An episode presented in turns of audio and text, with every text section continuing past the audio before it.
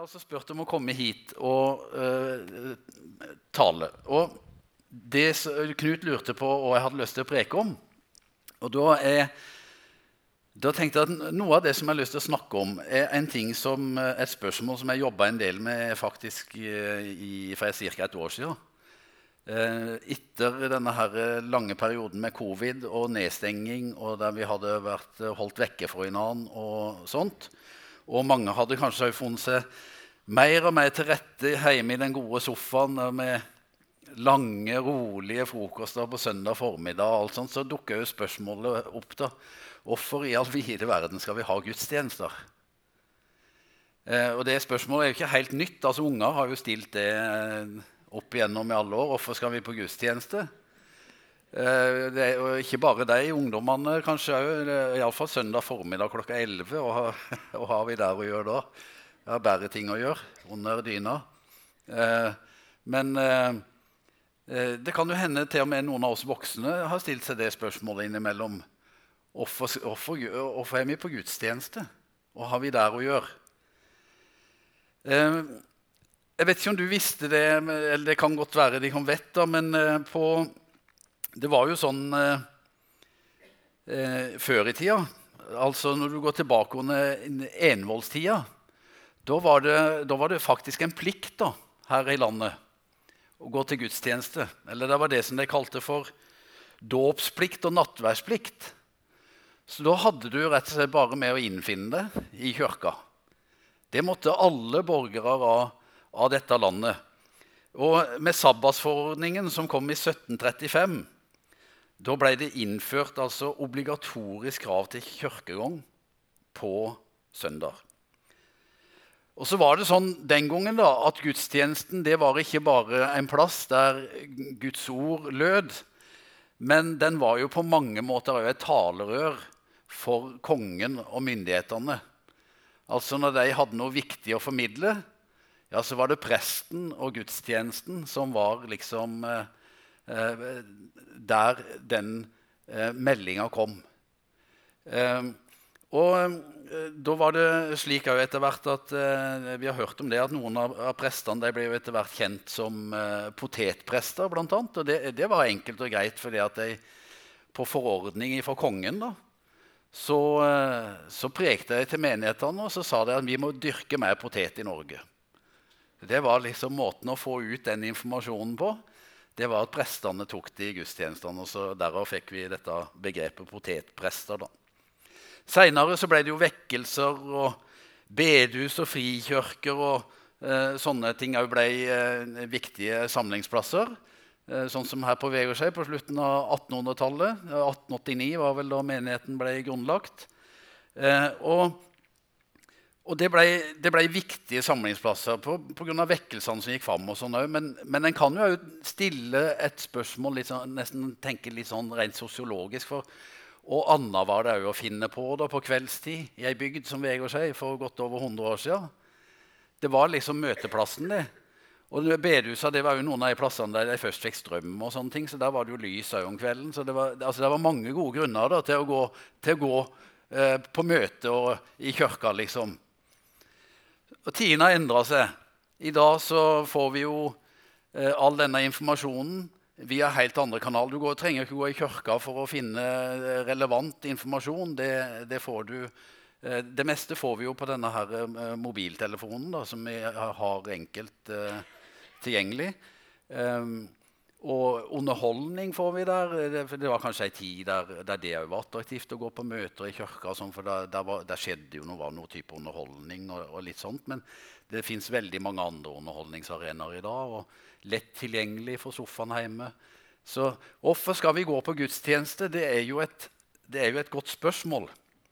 Um, skal vi gå her bare av gammel vane, eller fins det noen gode grunner til å, å komme hit? da? Jeg skal prøve å forsvare, forsøke å svare litt på det spørsmålet, men før jeg, jeg, går inn på det, så har jeg lyst til å lese en tekst fra Bibelen, fra Hebrebrevet, kapittel 10. Og Der står det noen vers som jeg skal ta litt utgangspunkt i når jeg deler det jeg skal dele. Eh, kapittel 10 og vers 19 i Hebrebrevet. Der står det sånn Så har vi da, søsken, Frimodighet ved Jesu blod til å gå inn i helligdommen, dit han har innviet en ny og levende vei for oss gjennom forhenget, som er hans kropp. Og siden vi har en så stor prest over Guds hus, så la oss komme fram med oppriktig hjerte og full visshet i troen, med hjertet renset for vond samvittighet og kroppen badet i rent vann. La oss holde urokkelig fast ved bekjennelsen og håpet, for Han som ga løftet, er trofast. La oss ha omtanke for hverandre, så vi oppgløder hverandre til kjærlighet og gode gjerninger. Og la oss ikke holde oss borte når menigheten vår samles, som noen har for vane. La oss heller oppmuntre hverandre, og det så mye mer som dere ser at dagen nærmer seg. Kjære Jesus, ditt ord, det er sannhet, og vi ber hellige oss i sannheten. Amen. Der jeg, jeg, jeg drar denne her litt lenger inn, så kan slipper jeg å gå så veldig mye att og fram. Er ikke det greit? Sånn. Der er ei som har spurt, eh, en teolog hun spurte Fins det noe vers i Bibelen som eh, forteller oss at vi skal gå i kirka? Og Da svarte hun her, eh, Amy Peeler, som hun heter, at ja, Hebreerbrevet kapittel 10 og vers 25 det er et sånt vers. For der står det Og la oss ikke holde oss borte når menigheten vår samles. Beskjeden den er temmelig tydelig og klar. Du må ikke neglisjere fellesskapet, men komme når menigheten samles. Det var en annen teolog, eh, som, eh, en luthersk teolog, en som het Ferdinand Hahn, han stilte en gang et spørsmål. Eh, hva er det fremste kristne symbol? Og når jeg tenkte på det spørsmålet, så tenkte jeg umiddelbart så ville jeg ha svart korset. Det må vel være det fremste kristne symbolet.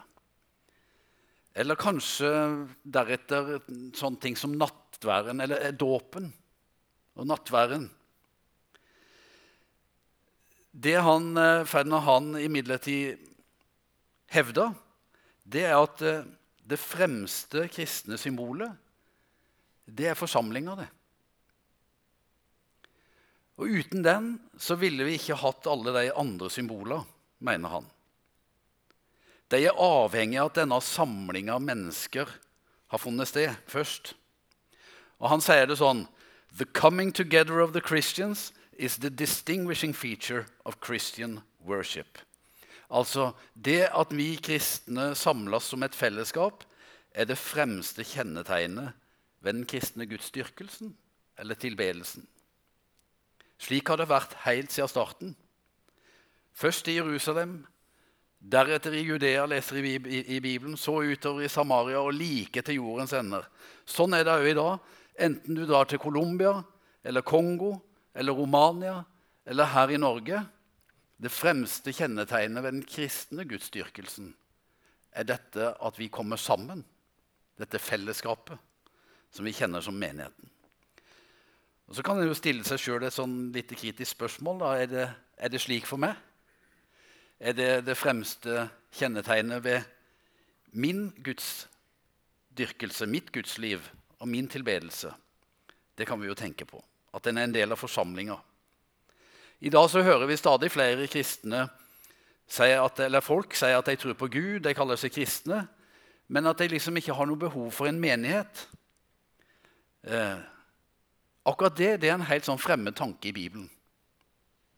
Det er nok mulig å ha et gudsliv utafor konteksten av et gudstjenestefellesskap. Men det alternativet det syns ikke å stemme overens med Bibelens fortelling.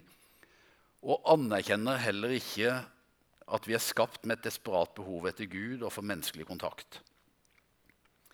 Det er to stykker som har skrevet ei bok som vi bruker som pensum på Ansgarskolen, eh, som heter 'Segler and Bradley'. Det tror jeg Kari som jobber her, har fått lov å lese. De skriver sånn Gud har skapt oss til å leve i fellesskap med andre troende. Et fellesskapsliv som når sitt klimaks når vi samles for å tilbe. Den teksten som jeg leste fra Bibelen her nå i stad, eh, jeg vet ikke om du legger merke til det, men det er veld, og veldig mange av tekstene i Bibelen de, de henvender seg jo ikke til oss som enkeltindivider. Men nesten alltid til fellesskapet. La oss. La oss. La oss. Det kommer igjen mange ganger i den teksten som, som vi leste. Så kan en lure på det, Hvorfor kan ikke en som tror på Jesus, en som tror på Gud, som har fått Den hellige ånd, som leser i Bibelen og ber Hvorfor kan ikke han eller hun bare liksom klare seg sjøl? Det hadde jo vært mye mindre stress. da. Enklere. Eh, liksom. Hadde ikke det hadde det vært deilig å slippe gudstjenestene liksom, opp eh, på søndag formiddag. Det er kanskje ikke alle som syns klokka 11 er tidlig. da. Men det, noen syns det. Eh, men fins det liksom ikke mer fornuftige ting å gjøre på en søndag som å være på hytta eller gå på jakt eller den lange, seine frokosten? Eller. Hvorfor er det så viktig at menigheten samles til gudstjeneste? Det har jeg lyst til å prøve å svare på ved å se på de tre andre 'la oss' som kommer i denne teksten. For det, det var det første 'la oss' som jeg eh, refererte til i det jeg sa her nå. Det, det, det var når det står 'la oss ikke holde oss borte'. Det er litt sånn negativt lada, men la oss ikke holde oss vekke. Men så er det tre mer sånne positive 'la oss'-oppfordringer eh, i denne teksten. For det første så står det 'la oss komme fram med oppriktig hjerte', osv. Og så etterpå så står det 'la oss holde urokkelig fast ved bekjennelsen'. Og så står det seinere 'og la oss ha omtanke for hverandre' og dette her å oppmuntre hverandre. Og Det er tre ting jeg har lyst til å si noe om. For det første dette her med å la oss komme fram, eller komme nær. Komme fram for Gud, komme nær til Han. Hvis vi ser nærmere på konteksten som der, dette, det bibelverset står i, så har forfatteren skrevet veldig mye om hva Jesus har gjort for oss. Om Jesus sitt frelsesverk. Og Teksten vi leser, den, den innleder seg med dette på grunn av Jesu blod har vi nå frimodighet til å tre like inn i helligdommen. Og helligdommen det da er snakk om, det er jo dette at vi får lov å komme inn for Gud og framfor hans ansikt, inn i Guds nærhet og hans nærvær. Men det er òg det er òg dette som hele den kristne gudstjenesten er grunnlagt på. Det som Jesus Kristus har gjort. Hans fullførte frelsesverk. Derfor så handler òg gudstjenesten djupest sett om det å komme sammen og takke og tilbe Han som er vår frelser. Alltid med et fokus på Jesus Kristus og det han har gjort for oss, og den han er for oss.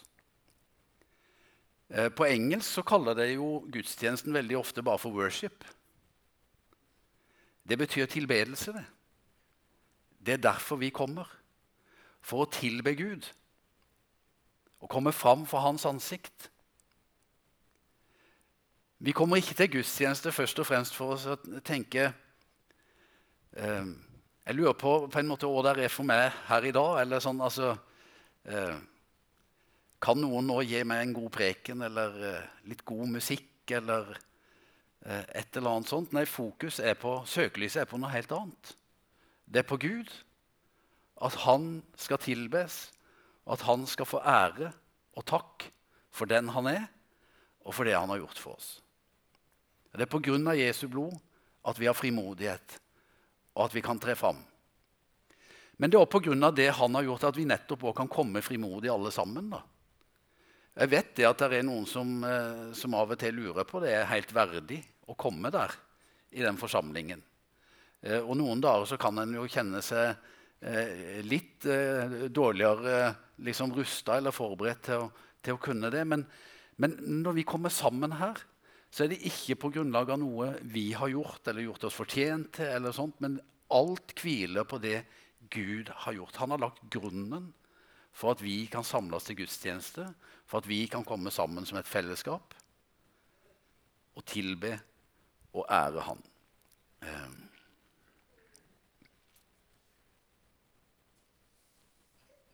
Å stille spørsmålet hvorfor skal jeg gå på gudstjeneste, og har jeg igjen for det, det blir jo på mange måter litt sånn som å spørre hvorfor skulle jeg egentlig være med og feire min venns bryllup.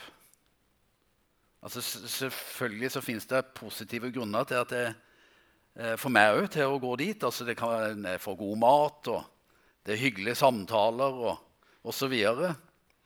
Men det er jo noe i dette med at min venns bryllup det, det handler jo ikke først og fremst om meg. da. Det er jo noen annen som er i sentrum og i fokus. Og Slik er det òg med gudstjenesten. Det er en annen som er i sentrum for begivenheten. Det er en annen som er hovedpersonen. Gud. Å gå til gudstjeneste, det å være invitert, det har blitt gitt en plass ved bordet. Men det er ikke oss sjøl vi feirer. Og det er ikke vi som sitter øverst. Det er en annen som er i sentrum. Å tilbe innenfor Guds ansikt er vårt kall og vår rettmessige plass. Det er rett og godt rett og slett fordi det er slik det var meint å være. Gud har skapt oss til fellesskap med Han og fellesskap med andre. Og så er Den andre tingen som jeg har lyst til å minne om, det at vi kan la oss komme fram, sto det, på grunnlag av det Jesus har gjort. Men det andre er dette her som teksten snakker om, å la oss holde urokkelig fast ved bekjennelsen og håpet, for Han som ga løftet, er trofast. Og Helt på slutten av teksten så ser vi også det at vi skal oppmuntre hverandre. Det er så mye mer som de ser at dagen nærmer seg. Det er noe i denne teksten som forteller oss at det er, det er noe som har skjedd før, som er grunnlaget for gudstjenesten. Det er det grunnlaget vi kommer på, det Jesus har gjort, det han, det han gjorde for 2000 år siden. Men så er det òg noe som skal skje i framtida. Det er noe vi venter på, som òg gudstjenesten skjer i lyset Jesu gjenkomst. At han en dag kommer tilbake. Og så er det akkurat at, som at vi som menighet eller som Guds folk vi befinner oss imellom dette at eh, Jesus en gang kom. Han sona vår synd, han frelste oss ved sitt verk på Golgata kors. Han skal en dag komme igjen for å opprette sitt fullkomne rike. Og Imellom der der lever vi. Og Det er et ganske sånn vanlig bilde i, i Bibelen som brukes på menigheten. eller at Den forteller oss at israelsfolket som vi leser om i Det gamle testamentet, det er et sånn forbilde på oss som Guds folk og menighet. Eh, og Da kan du se for deg denne her reisa da, ut fra Egypt når folket blir fridd ut av slaveriet i Egypt. Og så er de på vei mot dette løfteslandet, eh, Israel, da, som de skal inn i der framme. Men så når vi da leser i Mosebøkene i Gammeltestamentet, ser vi at eh, folk, de er på en ganske lang vandring. og etter ganske strevsom vandring, og det, det, tar mange år, det tar lang tid. Og Dette er egentlig et bilde på her vi befinner oss som menighet mellom Jesu første komme og hans andre komme. Det er noe som allerede har skjedd, men det er òg noe som en dag skal skje. Og vi er underveis. Vi er på vandring mot målet. Og Derfor så sier Hebrebrevets forfatter å holde fast ved bekjennelsen av håpet. Ikke gi slipp på det. Han sier faktisk hold ordentlig godt fast i det. Det er begrepet som er brukt på grunnteksten der. Du skal holde skikkelig godt fast i det. Ikke gi slipp på håpet som du eier. Og der er et eh, eh Jeg var inne på dette her, eh, at på engelsk så bruker de et ord om gudstjeneste som er 'worship'. Når jeg var i Colombia, så hadde vi et annet ord på, for gudstjeneste. Vi, kalte det for kulto. Og som egentlig kommer det, fra det samme ordet, som, eller et sånn latinsk ord, som heter 'colere', som er, som er ordet som ble brukt i landbruket for det å kultivere. Så, eh, og Det beskriver det arbeidet som bonden gjorde, enten med jorda eller buskapen sin, for at den skulle gi god avkastning. På samme vis fungerer gudstjenesten. Den kultiverer. Og den, den danner oss, den former oss. Der pleies vår relasjon til Gud. Der bearbeides grunnen, hjertene våre, så det harde blir mjukt og mottagelig. Der ryddes liksom steiner vekk, og der fjernes tornebusker for å være i Jesu lignelse om såmannen. Slik at ordet, når det sås, så lander det i god jord og gir rik avkastning. Og sånn at vår bekjennelse av håpet ja, den blir styrka. Og så våre liv kan preges av det som står i teksten her, kjærlighet og tro som følger av gode gjerninger. Som følges av gode gjerninger. Det skjer ei forming og likedanning med Jesus, med Han vi venter på, når vi kommer sammen som Guds folk og til gudstjeneste. Um, En som heter Brode Laurentius, som kanskje noen av dere har hørt om, som skrev en liten bok for eh, det må være noen hundre år siden, eh, som heter 'Å leve nær Gud'. Han sa på sitt dødsleie til de som sto rundt han at eh, 'Jeg dør ikke. Jeg gjør bare det jeg alltid har gjort gjennom de siste 40 åra, og det som jeg venter på å få gjøre i all evighet. Jeg lovpriser den Gud som jeg elsker.' Og Gudstjenesten den, den er også ment til å føre oss inn i det livet og kultivere det livet der vi, der vi mer og mer bare formes og dannes til Jesu likhet. Han som vi venter på, hans rike som vi venter på og skal bli del av. Gudstjenesten hjelper oss altså å holde fast ved bekjennelsen og håpet. Hvorfor trenger vi kirka?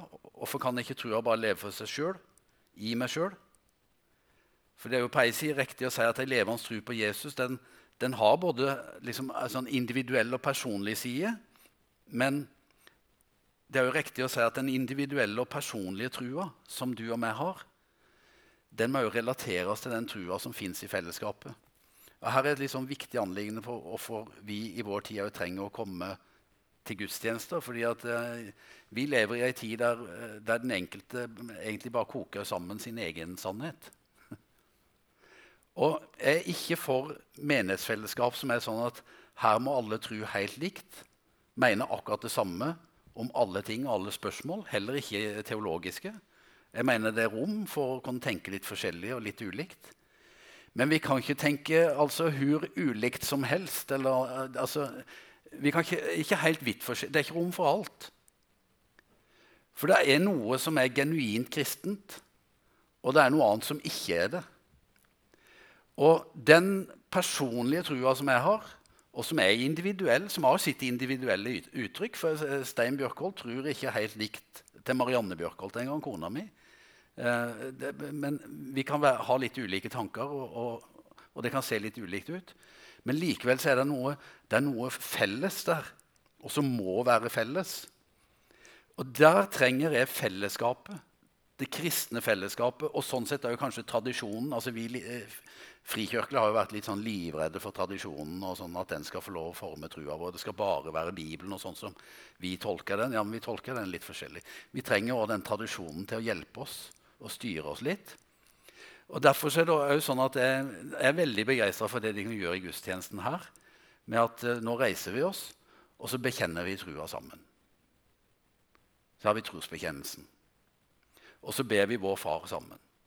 For det former vår felles tro, og det, det, det er med å forme de og mi individuelle tro, sånn at den er, at er kobla på sannheten, og den sannheten som kirka og menigheten har vært en bærer av gjennom 2000 år. Vi trenger fellesskapet for det. Hvis du går bare og surrer for deg sjøl, så kommer du til å koke sammen med rare tanker. Det blir veldig, veldig rar greie. Det er ikke sunt. Ingen har godt av det. Vi trenger fellesskapet til det. Ok, da var det sagt tydelig nok. Nei, men Det er noe med den individualismen som preger tida vår, som vi må utfordre litt. Eh, ok, da, da, skal jeg hoppe til, til det siste eh, hovedpunktet som jeg har, som, har, som handler om dette her. Og når Skriften sier at 'la oss ha omtanke for hverandre', sto det i teksten. Og oppgløde hverandre. Og så sto det helt til slutt 'å oppmuntre hverandre'. Det er her tre o-ene i den teksten om å omtanke, oppgløde og oppmuntre. Det, det kristne fellesskapet og gudstjenesten er meint å være en sånn plass der vi kommer sammen og har omtanke for hverandre. Og da trenger du fellesskapet. Hvis noen skal ha omtanke for det, så trenger du fellesskap. Og Der vi kan oppgløde hverandre. Og det trenger vi òg andre til. Det er egentlig det ordet som er brukt sånn Jeg er av og til ute og sykler eh, sammen med noen andre. og da er det litt sånn, eh, Hvis du begynner å bli litt gående, og sånn, da, så, komme, så, kommer det en opp på sida der og så sier han, 'Kom igjen nå. Du holder litt til. Kom igjen.' Det er egentlig det ordet som er brukt her. Å komme opp på sida sånn, og, og, heie på. Og, og eh, oppgløde, oppmuntre. Så vi trenger fellesskapet for dette her. Og jeg har lyst til å si litt om, om de tre tingene der da, kort. At det kristne fellesskapet er en plass der vi viser omtanke for en, for hverandre. Det er en plass der vi ber for annen. En plass vi kan komme når livet butter imot. En plass der vi bærer hverandres byrder. Det å vise omtanke det handler egentlig om det å være observant. Å være observant på en annen.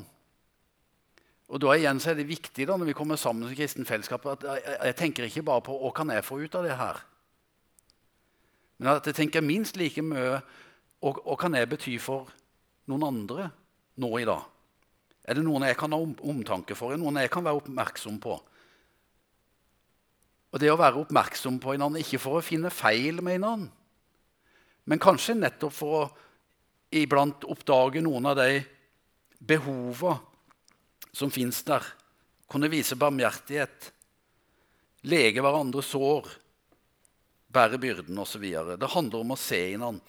Og John Wesley han skal, ha sagt, eh, skal ha sagt en gang du vet, Han gamle eh, metodistpresten eh, eller grunnleggeren av metodistbevegelsen, John and Charles Wesley. John han skal ha sagt det sånn at eh, det fins ikke noe mer ukristelig enn en ensom kristen.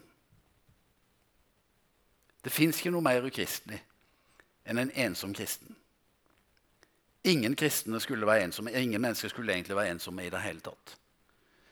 Men det er en helt sånn ukristelig tanke at en kristen skulle være ensom. og Derfor så er det å, å leve kristenlivet helt for seg sjøl ikke veldig kristelig. for å si det, sånn da. Eh, men vi trenger innan. Igjen, altså Det fremste kjennetegnet det er fellesskap. Vi er der med hverandre og for hverandre. Så den andre tingen det som står her med at det er en plass der vi oppgløder hverandre. Og det står det oppgløder hverandre til kjærlighet og gode gjerninger. Og Det ordet med 'oppgløde' det er ganske sterkt. Det, det, det kan Lion oversettes med å opphisse eller å, å provosere. Ikke da altså irritere noen, for det, det, er ikke det tanken er. Det er Noen ganger en eh, opplever det òg i menigheten, at det, folk bare irriterer noen.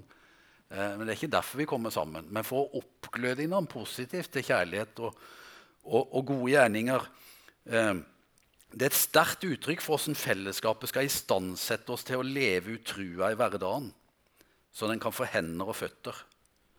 Gudstjenesten den skal, den skal stimulere oss til å leve det livet Gud har kalt oss til å leve.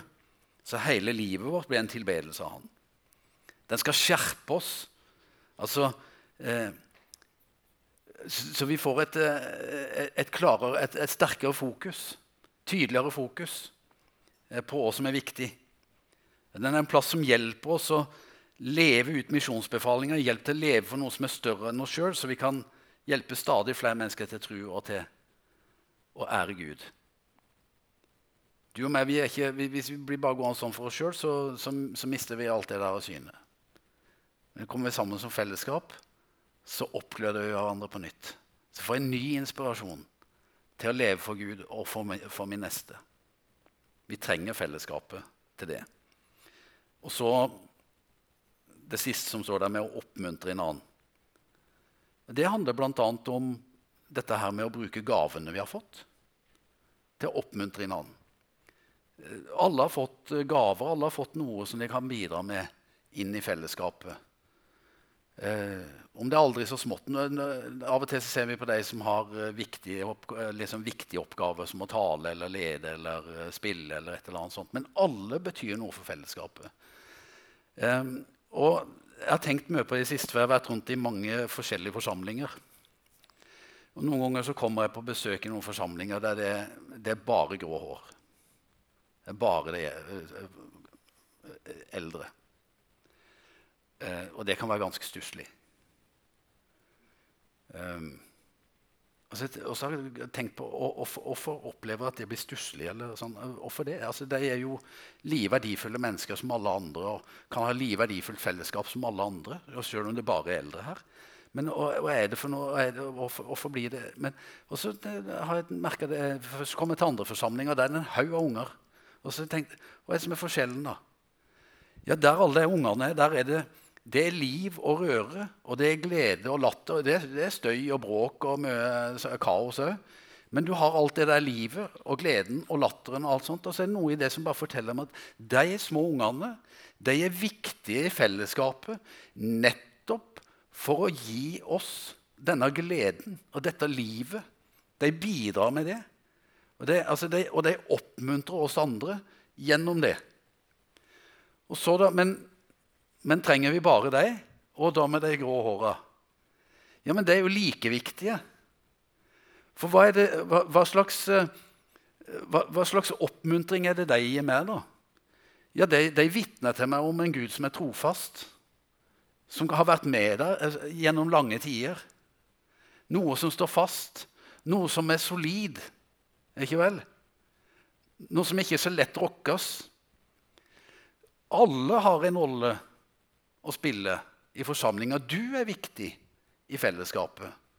Om du er liten eller stor, ung eller gammel. Alle er viktige i det fellesskapet. Og alle kan vi være der for å oppmuntre hverandre. Nå har vel jeg snart holdt på lenge nok. Eh, men jeg skal bare stille et spørsmål sånn mot, eh, mot, slutten. For jeg har tenkt på dette her Og kan være med å gjøre gudstjenesten relevant i dag, når vi samles. Eh, og Da er det et par ting som jeg har lyst til å hekte på mot slutten, som jeg, som jeg har tenkt en del på. og det, det ene er at jeg tror at hvis en gudstjeneste skal være relevant, så må den være relevant i forhold til hverdagslivet vi lever den, den, må ha en eller annen kobling til livet vi ellers lever. Eh, og så, eh, for det andre, så må gudstjenestefellesskapet være noe annet enn et rent interessefellesskap. La meg bare kommentere kort på det andre der først. Hva mener jeg med det? Jeg, når det, det, gjelder det siste, så er det helt avgjørende at gudstjenesten ikke blir en sånn forsamling av deg med den ene spesielle meninga. Jeg møter som sagt mange forskjellige menigheter. Noen plasser kommer inn, og så er det, det menigheten det, består, det, det er bare Israel-venner. Og det er det det dreier seg om. Eh, noen andre plasser så er det liksom eh, abortmotstandere. Og atter andre plasser så er det klimaaktivister. Og så fins det mange gode saker og ting å engasjere seg for.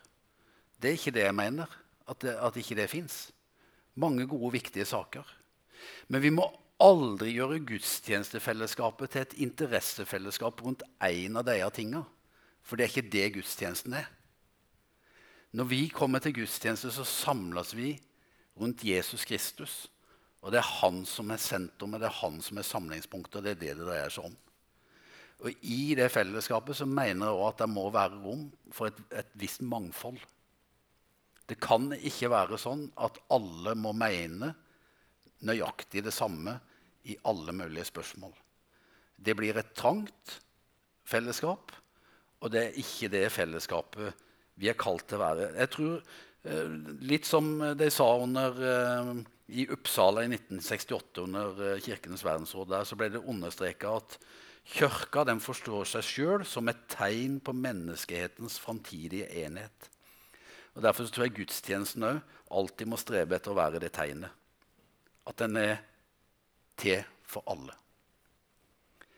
Um, og så litt på det første jeg sa her med Hvordan kan gudstjenestefellesskap bli mer relevant for hverdagslivet? At vi kobler liksom det som skjer her, veldig tett på det som har med hverdagslivet vårt. Jeg tror svaret på det er veldig enkelt. Eh, og det er igjen de tre ordene. Det er ved at vi har omtanke for hverandre, oppgløder hverandre, oppmuntrer hverandre. Jeg tror Hvis mennesker kommer på gudstjeneste her på forsamlingshuset, og de opplever at her er det folk som har omtanke for meg, her er det folk som oppgløder meg, som stimulerer meg til å leve for Gud og til kjærlighet og gode gjerninger der ute i hverdagen, her er det mennesker som oppmuntrer, som heier på meg. Ja, da vil gudstjenesten være høyst relevant. Det er noe alle mennesker vil trekke oss mot, tror jeg da.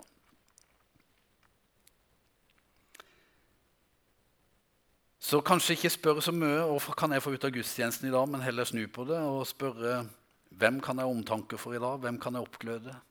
Hvem kan jeg oppmuntre? det tror jeg vil gjøre noe med fellesskapet vårt. Jeg tror at eh, primærfokus når vi er til gudstjeneste, skal være dette dobbelte kjærlighetsbudet. Elske Gud, elske hverandre.